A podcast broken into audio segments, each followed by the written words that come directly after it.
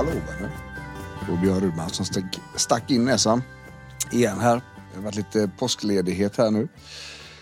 Och eh, jag tänkte just att, att vi ska prata om det idag. Ledighet och sådär. Eh, vi pratar ju mycket om, om eh, stress och stressrelaterad ohälsa och så här i podden. Och, och eh, i, i den där soppan så ligger det ju nästan alltid en faktor av vila, återhämtning, sådana här saker. Och, och det finns ju en chans när man är ledig så att säga om, om det är röda dagar eller man kanske då är ledig enligt schema eller liknande. Man, man jobbar inte kanske och um, har då en, en, större chans kanske att återhämta sig. Fast det, ofta är det så här upplever jag, många jag träffar att man fyller upp ledigheten. Man fyller upp tidsluckorna med massa annat. Eh, det blir nästan mer att göra när man är ledig än när man jobbar. Och det där tänkte jag vi ska prata lite grann om idag. För det finns lite saker att, att känna till där och förstå där och, och eh, faktiskt också kanske förändra, tänker jag. Det är ju så här att, att när, när vi har ett väldigt tempo i, i vardagen så skapas det här tempot i många fall också på insidan. Alltså stressen är ju inte bara att, att man känner att man har bråttom till bussen eller till jobbet, utan det är ju en förhöjd beredskap så att det är en inre stress eh, som är nästan mer påtaglig än, än, än yttre så att säga. Och den slutar inte, den beredskapen slutar inte bara för att det inte är jobb. Och det är en viktig sak att känna till, tänker jag. Och, och, det här är någonting man ser också i branscher där det är väldigt hård press, fast inte hela tiden. Det, det är jättemycket att göra på till exempel på en avdelning på sjukhuset och sedan så är det mindre under en period.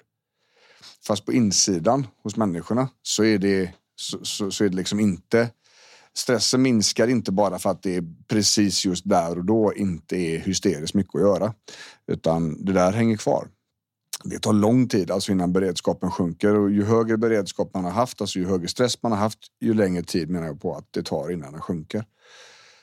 Och det måste man ha med sig så att det här höga tempot som man kanske har på jobbet, att det smittar av sig och följer med hem på ledigheten. Det är inget konstigt. Och det, det går att göra en del saker med det. Sådär va. Och vi ska komma in på det också tänker jag idag. Um, ehm, en annan grej som jag tänker på och, som också ligger väldigt nära det här med, med stress och, och, beredskap och sånt. Det, det, här det är ju prestations ska säga, prestationsångesten, prestationskraven, pressen på att det ska göra saker, på att saker och ting ska vara på ett visst sätt och liknande. Det, det är också en sån sak som, som smittar över liksom, situationer. Eh, har man en inriktning på jobbet så kan man ge sig fan på att det kommer vara ungefär samma sak hemma. Det är väldigt sällan som man är högpresterande på arbetet och sen ligger hemma som smält glass i soffan eh, bara för att man känner för det. Utan normalt sett så, så är det, det ser ungefär likadant ut på bägge ställena eller på alla ställen ska jag säga, även om det finns fler. Och det här kan man ju se då kan ju bli ett problem. Det kan ju utgöra ett hinder för återhämtning tänker jag. Det kan ju utgöra en, en problematik där jag vet att jag behöver vila, men samtidigt så är det väldigt starka reflexer i mig som säger att vi ska öka och vi ska köra. Vi ska passa på framförallt nu när det är lite ledigt. Att du kan ju passa på att göra allt det här vi inte har hunnit under, under veckan eller månaden eller året då i vissa fall. Så, och, och, det är också en grej som man måste ha med sig för att det kommer också stoppa återhämtningen. Det kommer också sätta käppar i hjulet för, för vilan. Liksom. Eh, så att dels då så, så är det väldigt svårt att sänka tempot bara för att det helt plötsligt är en röd dag. Och dels så har vi kanske då mekanismer i oss som gör att, att eh, hjärnan helt enkelt inte vill bara låta sig och, och ta det lugnt. Liksom. Fastän vi vet också på pappret att det är det som behövs. Och, och då tänker jag så här att det där kan ta lite tid att komma i ordning med om man ska kolla rent terapeutiskt. För det är inte gjort på en handvändning för de här mönstren, de här gamla spåren har man ju gått i sen man var liten i regel. Och, och, det är inte bara att ändra det där. Det tar tid. Va? Det, tar, det är ganska hårt arbete, men det går. Och man måste ha tålamod.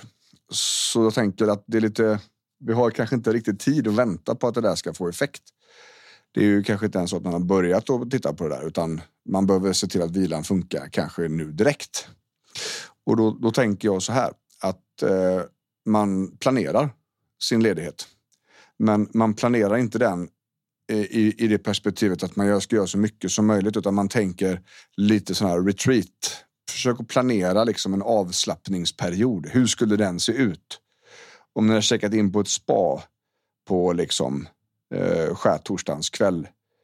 Hur hade påsken sett ut då?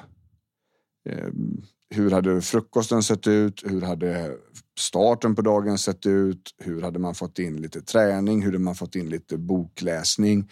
Hur hade man fått in en promenad kanske? Hur hade man fått in mat igen? Och så vidare. Va? Så att man, man byter lite mindset tänker jag. Att man testar det. Att istället för att ha inriktningen att nu ska jag göra så mycket jag kan hemma för det är bra och, och, och det jag behöver göra det. Vänd på det istället och, och ta en annan vinkel. Hur ska jag kunna återhämta mig så mycket som möjligt. Hur behöver jag ha den här kommande ledigheten eller helgen eller vad det kan handla om för att må som bäst?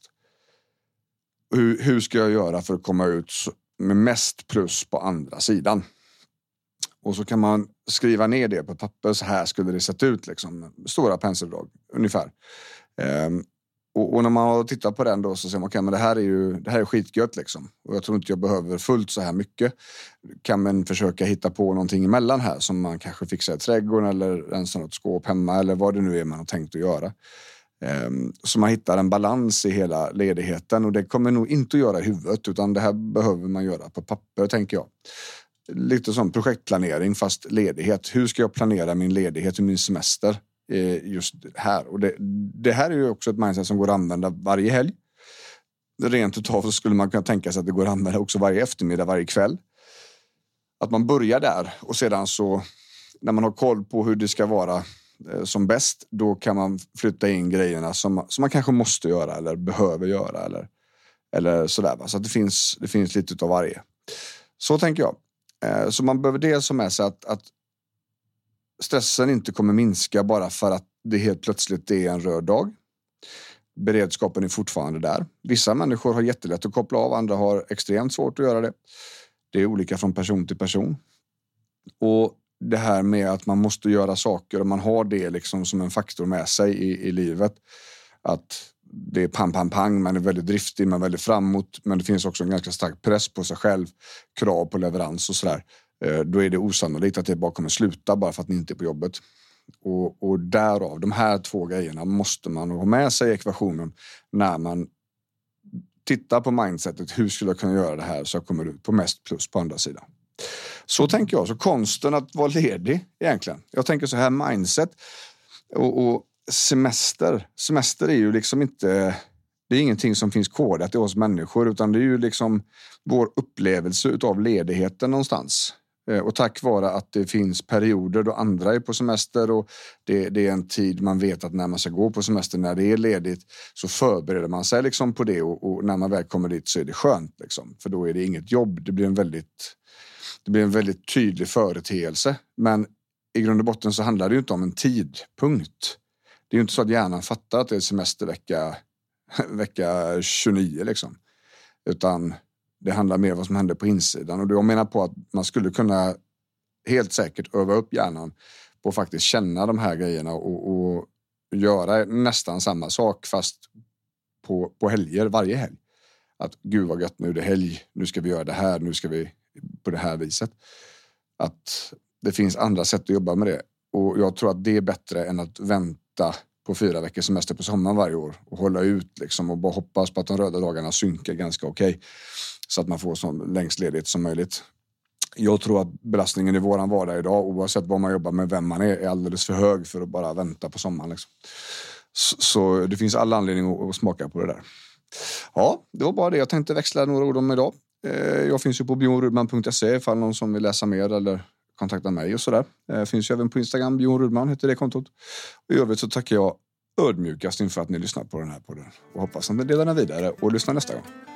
Ha det gött. Hej!